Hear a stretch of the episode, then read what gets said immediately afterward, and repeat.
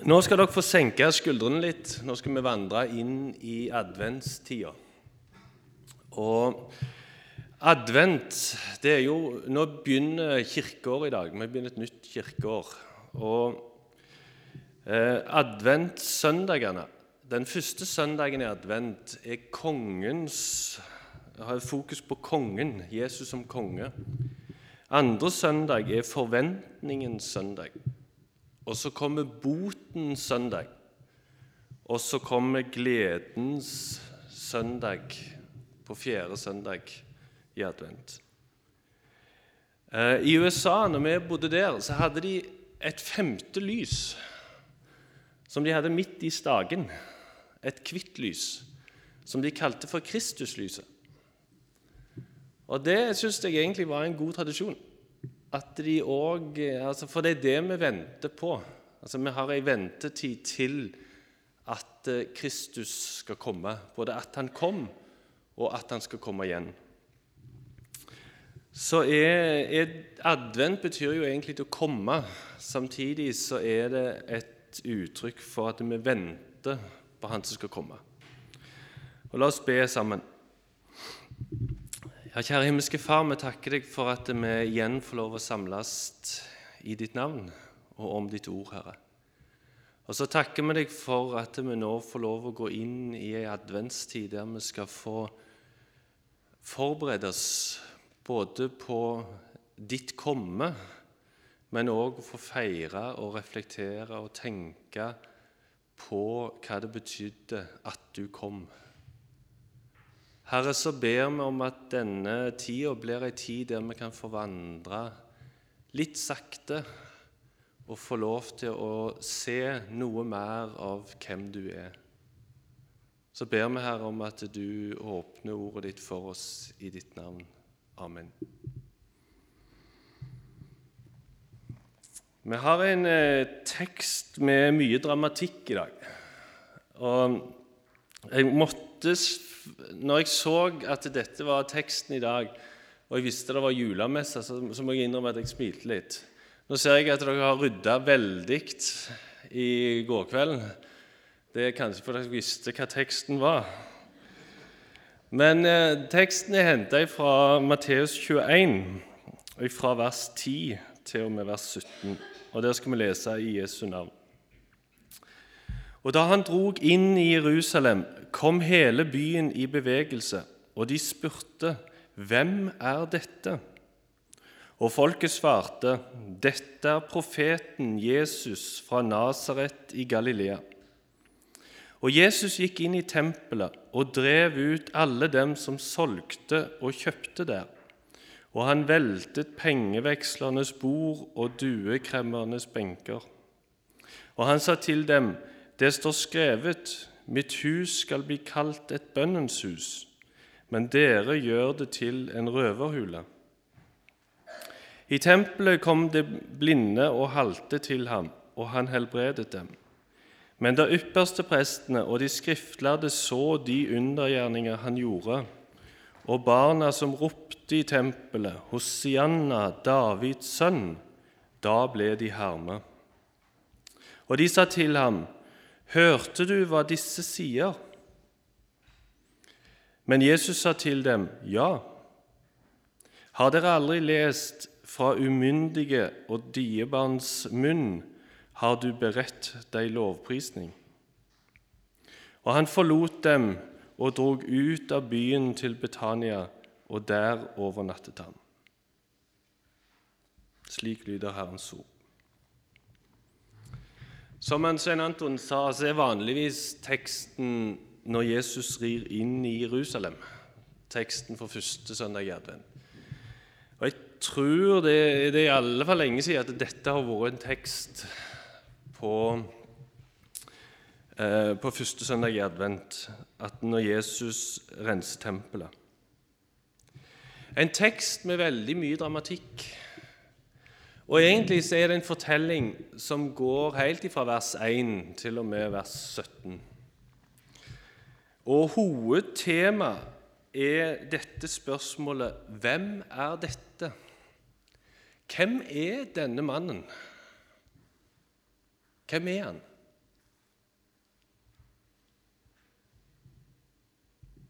Det er én gang i Bibelen der Jesus lar seg hylle offentlig som Messias, og det er denne dagen her. Det er en gang han lar seg hylle offentlig som Messias, og det var når han rei inn i Jerusalem. En dag der det er veldig mange profetier fra Gamletestamentet som går i oppfylling. Der en ser at Gamletestamentet gamle testamentet peker mot at Messias skulle komme.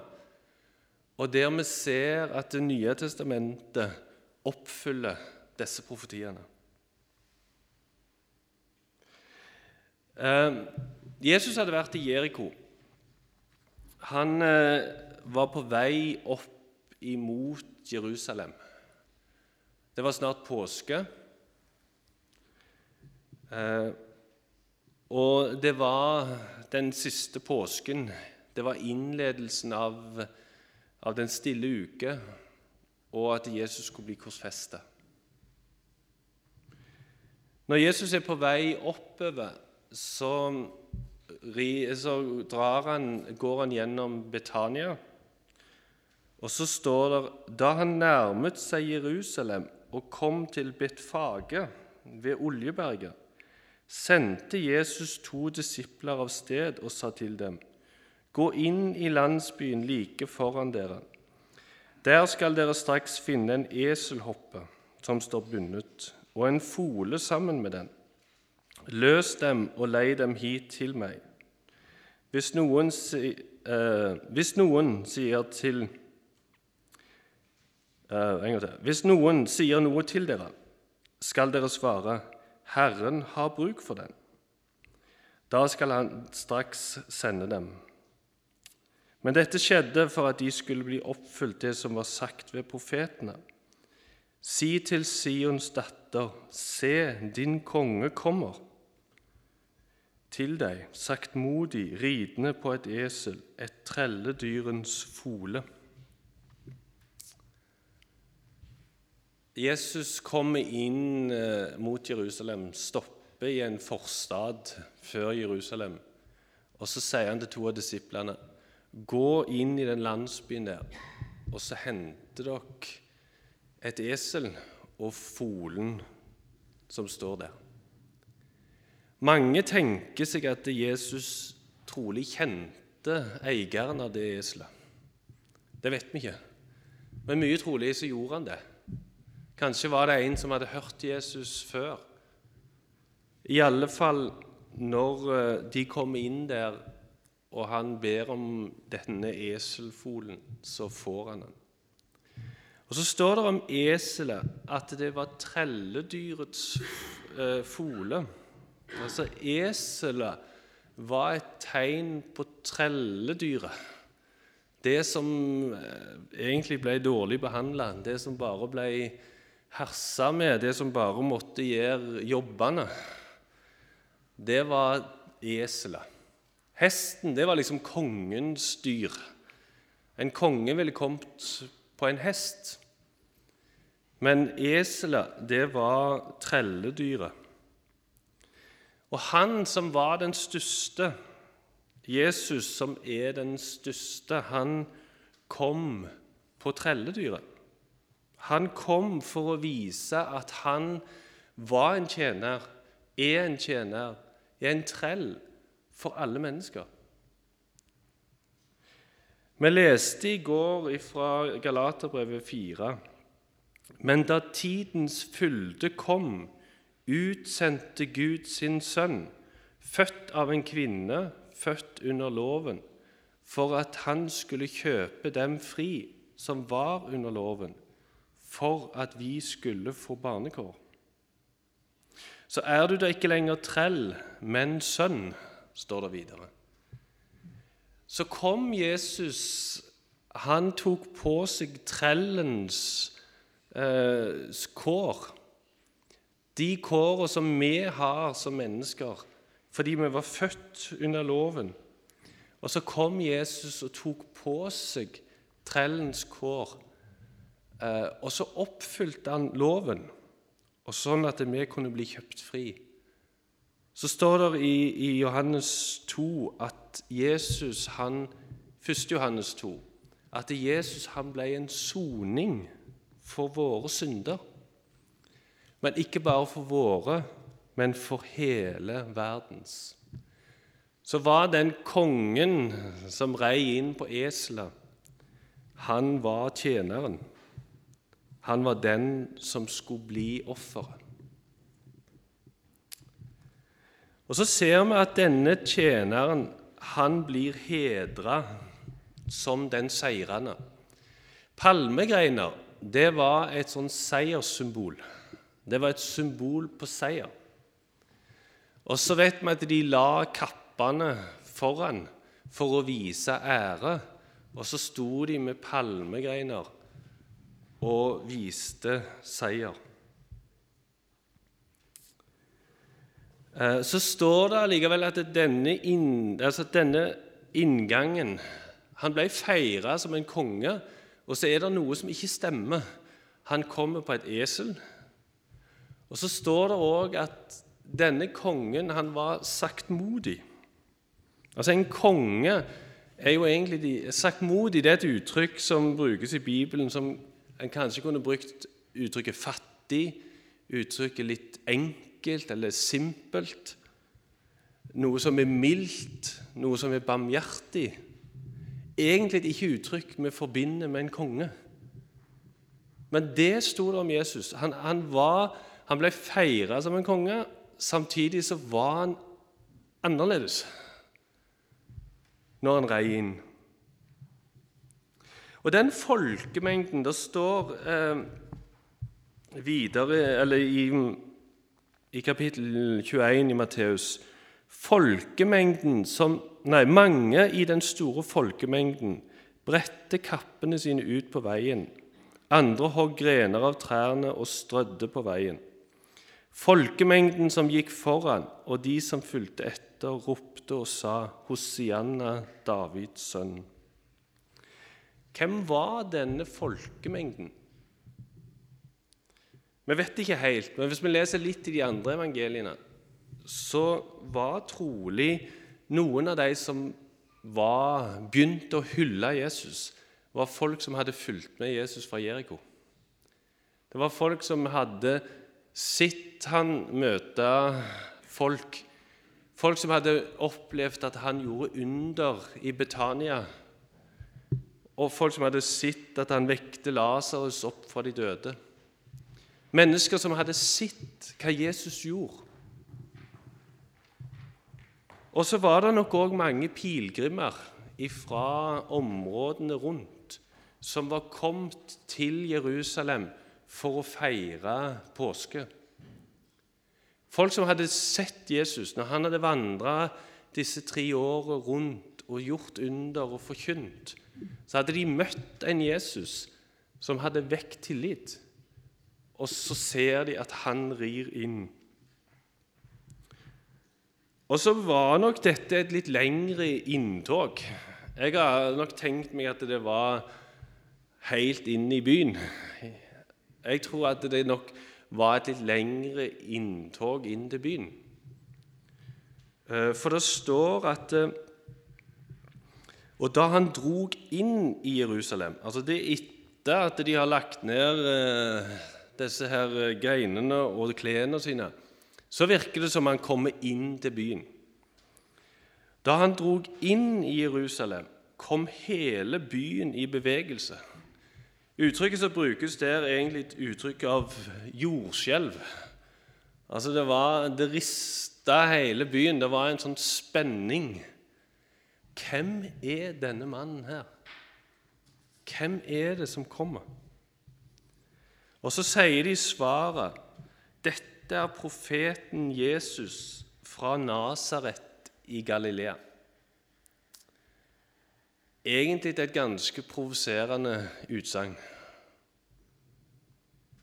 Profeten her kan referere til en profeti som står i 5. Mosebok, om at det skulle komme en ny Moses. Det skulle komme en ny Moses, og, og mye trolig så sikter profetien til det. Og så, og så er det ikke u, helt uvesentlig at det står at det var Jesus fra Nasaret. Ehm, det står i Jesaja at det skulle komme en kvist ut av Isais stubb. Denne kongeslekta som ble eh, slekta til David og Davids ett. Og det at Jesus var fra Nasaret, sier de egentlig òg at Jesus han var en del av Davids ett. Altså Han var en del av den store kongeætta. Så ligger det i det utsagnet dette er profeten Jesus fra Nasaret i Galilea. Der ligger et budskap om den store utfrieren Moses og den store kongen David, som de som hørte det, tenkte Hva er dette? Hvem er denne? Og Så skjer det enda mer dramatikk. Jesus går inn i tempelet. Han driver ut alle som solgte og kjøpte der. Han veltet pengevekslernes bord og duekremmernes benker. Det er andre gangen at Jesus går i tempelet og renser tempelet. Han gjorde det helt i begynnelsen av sin tjeneste. I Johannes 4 så kan en lese om, nei, Johannes 2 så kan en lese om at Jesus gikk inn og renset tempelet helt i begynnelsen av sin tjeneste. Og så renser han tempelet igjen i slutten av sin offentlige tjeneste. Her er det nok et oppgjør mot falsk religiøsitet. Det står at eh, Mitt hus skal bli kalt et bønnens hus, men dere har gjort det til en røverhule. Det var mange pengevekslere som var Og dette de var antageligvis i en av forgårdene som kaltes for hedningenes forgård. Og i den eh, forgården så var det mange pengevekslere, for det var mange pilegrimer som kom til Jerusalem Eh, i påsken. Og De hadde utenlandsk valuta, og så måtte de få veksle denne valutaen til jødiske penger. For tempelskatten den måtte betales med jødiske penger. Den kunne ikke betales med utenlandsk valuta. Og Yppersteprestene de hadde monopol på pengevekslersituasjonen. Og da var det nok en høy kurs og det var nok eh, mye av de pengene som gikk til øversteprestene, og det ble en god inntektskilde. Videre så kan det virke som de òg tok seg godt betalt av eh, disse herrene offerduene og offerdyra som ble solgt. På en måte kan vi si at eh, Når vi reiser rundt som turister, så blir vi alltid lurt Kanskje var det det de gjorde her òg. De, de, som kom som type åndelige utlendinger som kom inn for å, å, komme inn i tempelet, de ble lurt. Så ligger det kanskje et viktig budskap i det. For i Jesaja 56, som Jesus siterer fra, der står det Og de fremmede som holder seg til Herren, for å tjene ham og for å elske Herrens navn og for å være hans tjenere. Alle de som holder sabbaten så de ikke vanhelliger den, og som holder fast ved min pakt, dem vil jeg føre til mitt hellige berg og la dem glede seg i mitt bønnehus. Deres brennoffer og slakteoffer skal være til velbehag på mitt alter. For mitt hus skal kalles et bønnens hus for alle folk. Så ser vi her allerede i, i, i Jesaja, lenge før, så ser vi at Gud vil ha et ekte offer fra alle mennesker. Jødene hadde ikke noe fortrinn. De var utvalgt, ja, men, men her virker det som om jødene tok og utnytta de som var fremmede, de som var pilegrimer. Og så ønsker Jesus å renske det, for at han vil vise at dette offeret, det som nå skjer, det er for alle mennesker.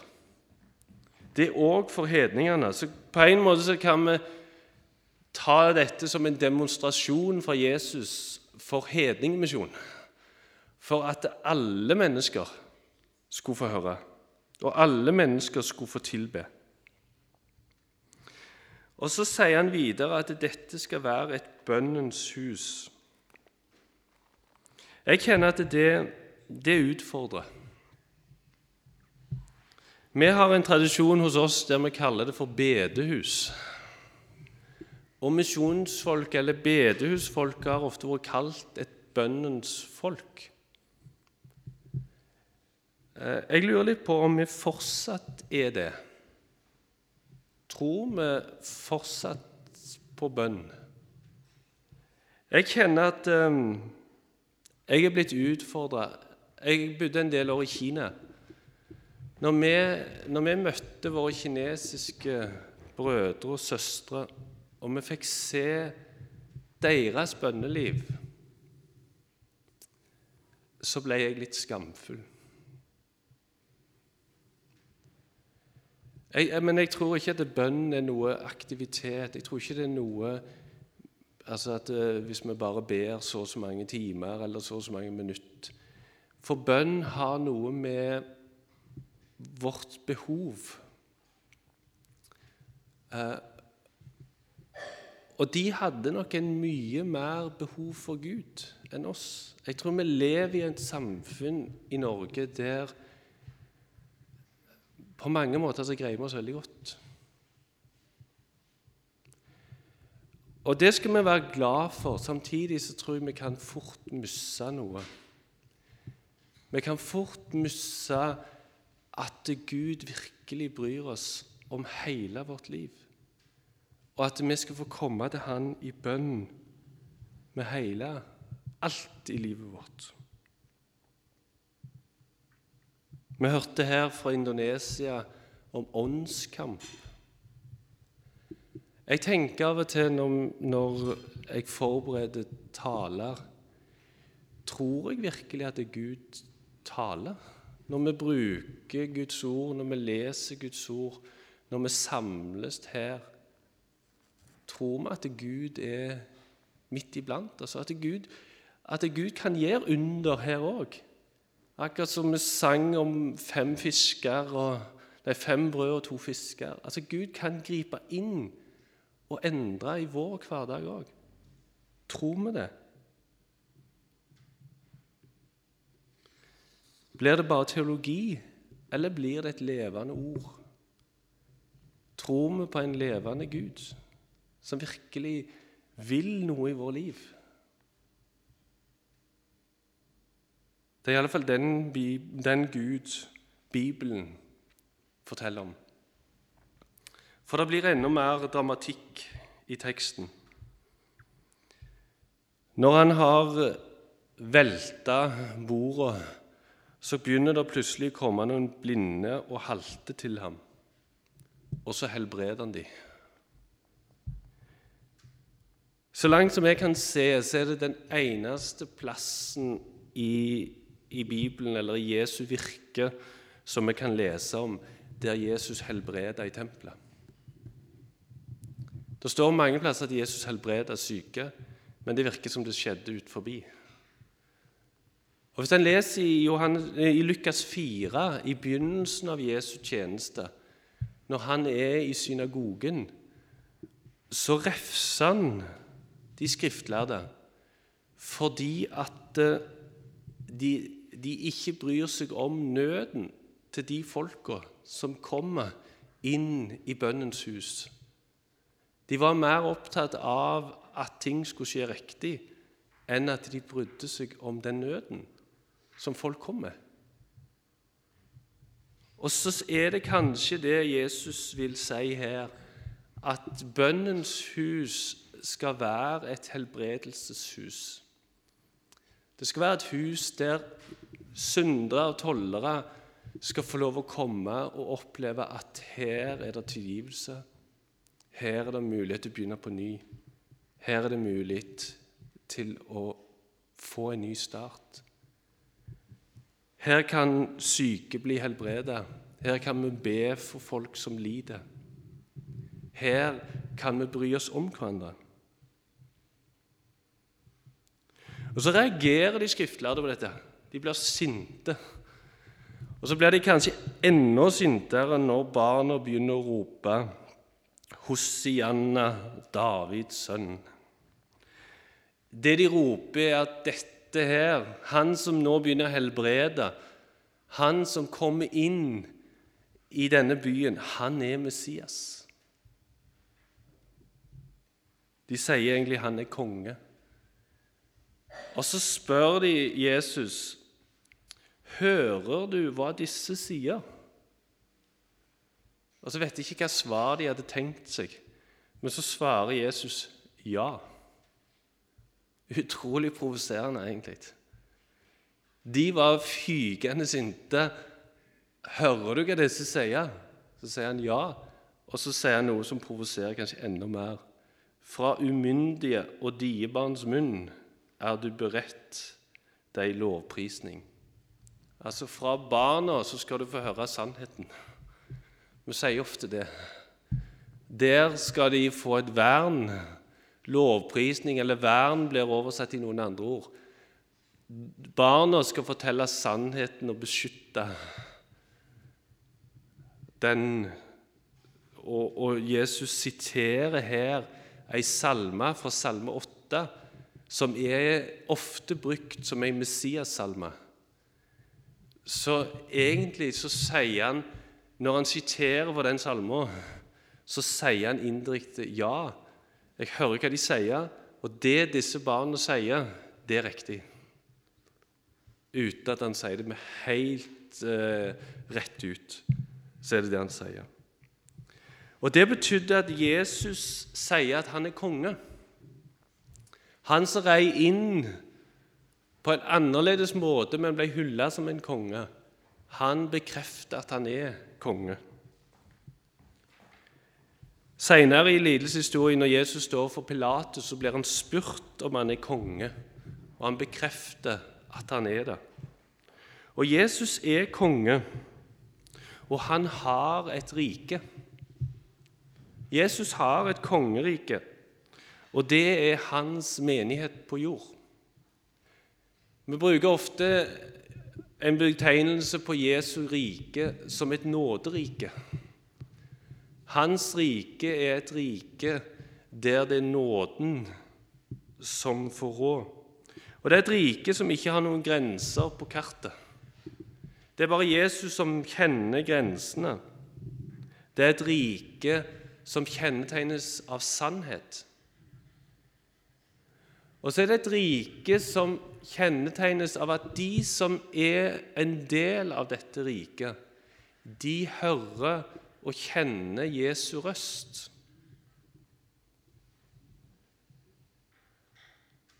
Og riket kjennetegnes òg av forkynnelsen av evangeliet. Og evangeliet som en kraft som gjør at folk får bli del av dette riket. Og så er det ingen som tvinges inn i Jesu rike. Jesus, kom, kommer aldri til å tvinge noen inn i hans rike. En av lesetekstene er henta fra Åpenbaringen kapittel 3, vers 20, der Jesus står og banker på døra. Jesus kommer aldri til å bryte seg inn hos noen. Men han vil stå ut forbi og banke, og så vil han rope inn. Og de som hører røsten, og som åpner døra, der vil han gå inn. Og så vil de bli en del av riket.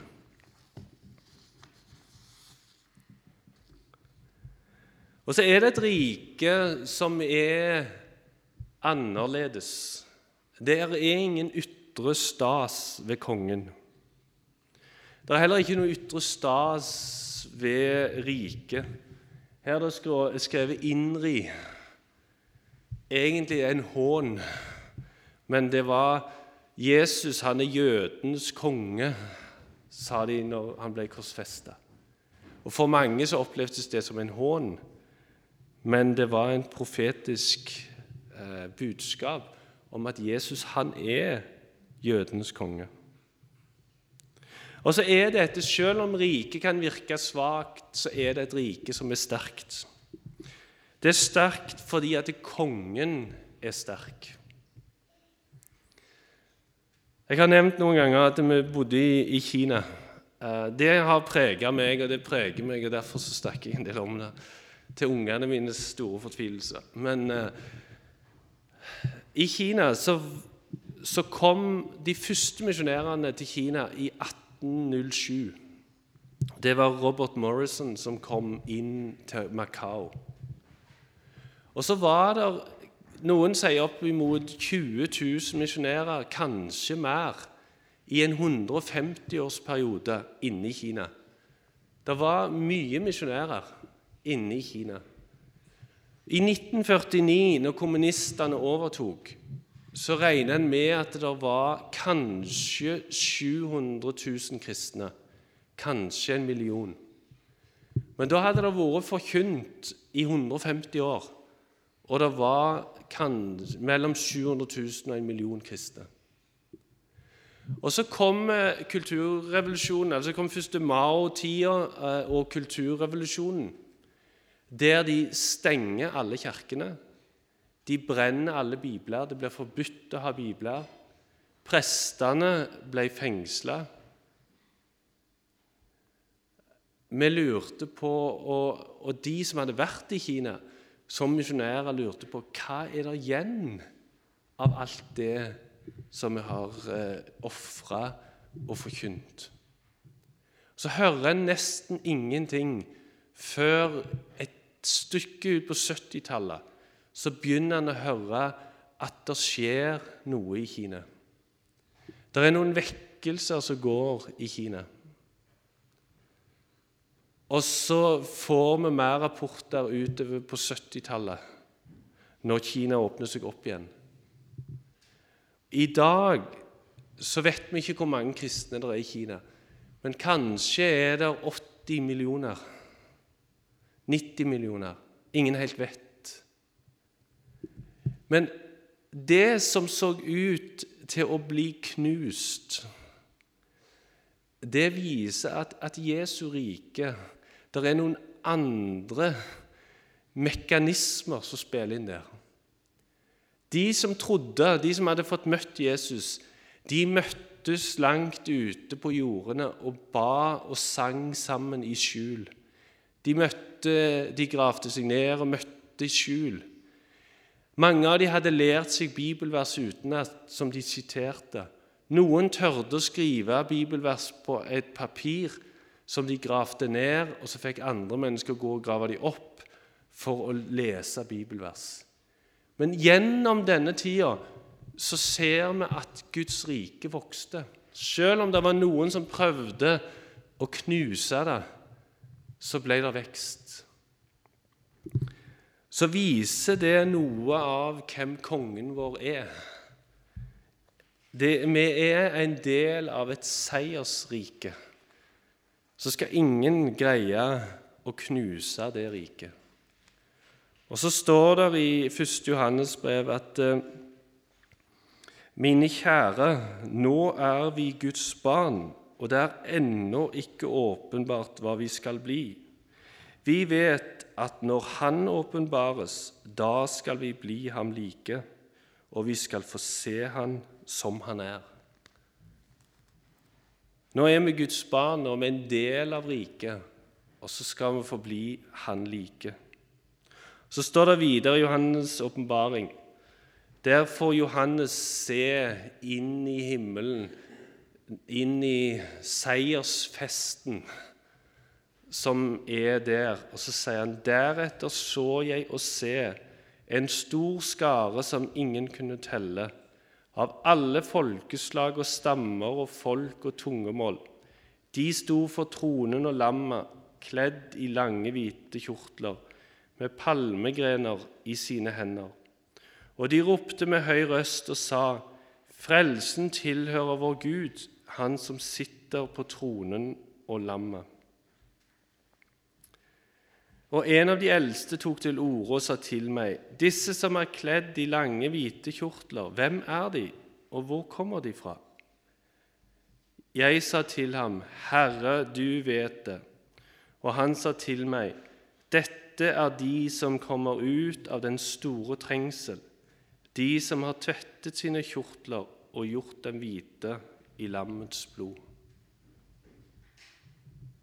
Vi får lov til å være med i misjonen på å utvide Guds rike, med å nå ut til nye folkegrupper, sånn at denne dagen, når, som det skrives om her, da skal det være folk fra alle folkeslag, folkespråk og tungemål, og så skal de vitne sammen, og så skal vi lovprise kongen skal vi be. Ja, kjære himmelske Far, vi ønsker å lovprise deg, og vi ønsker å prise Jesus som konge. Takk for at du kom, og takk for at du sona all verdens synd. Og takk, Herre Jesus, at du er konge, og at vi får lov til å tro på deg og at alle de som tror på deg, de får lov til å kalles dine barn. De får lov til å være med i ditt store rike, Herre. Og så ber vi om at vi er mennesker som hører din røst. Vi er mennesker, Herre, som lukker opp når du banker på døra. Så ser du, Herre, hvis det er noe i våre liv som skulle vært rensa ut. Herre, vi ber om at din ånd kan få lyse inn i våre liv, og at denne adventstida kan bli ei tid der vi får oppleve å se mer av deg og komme nær deg. Og Så ber vi òg, Herre Jesus, om at vi kan få lov å være med og bringe ditt rike til nye folkeslag, nye folkegrupper. I ditt navn, Jesus. Amen.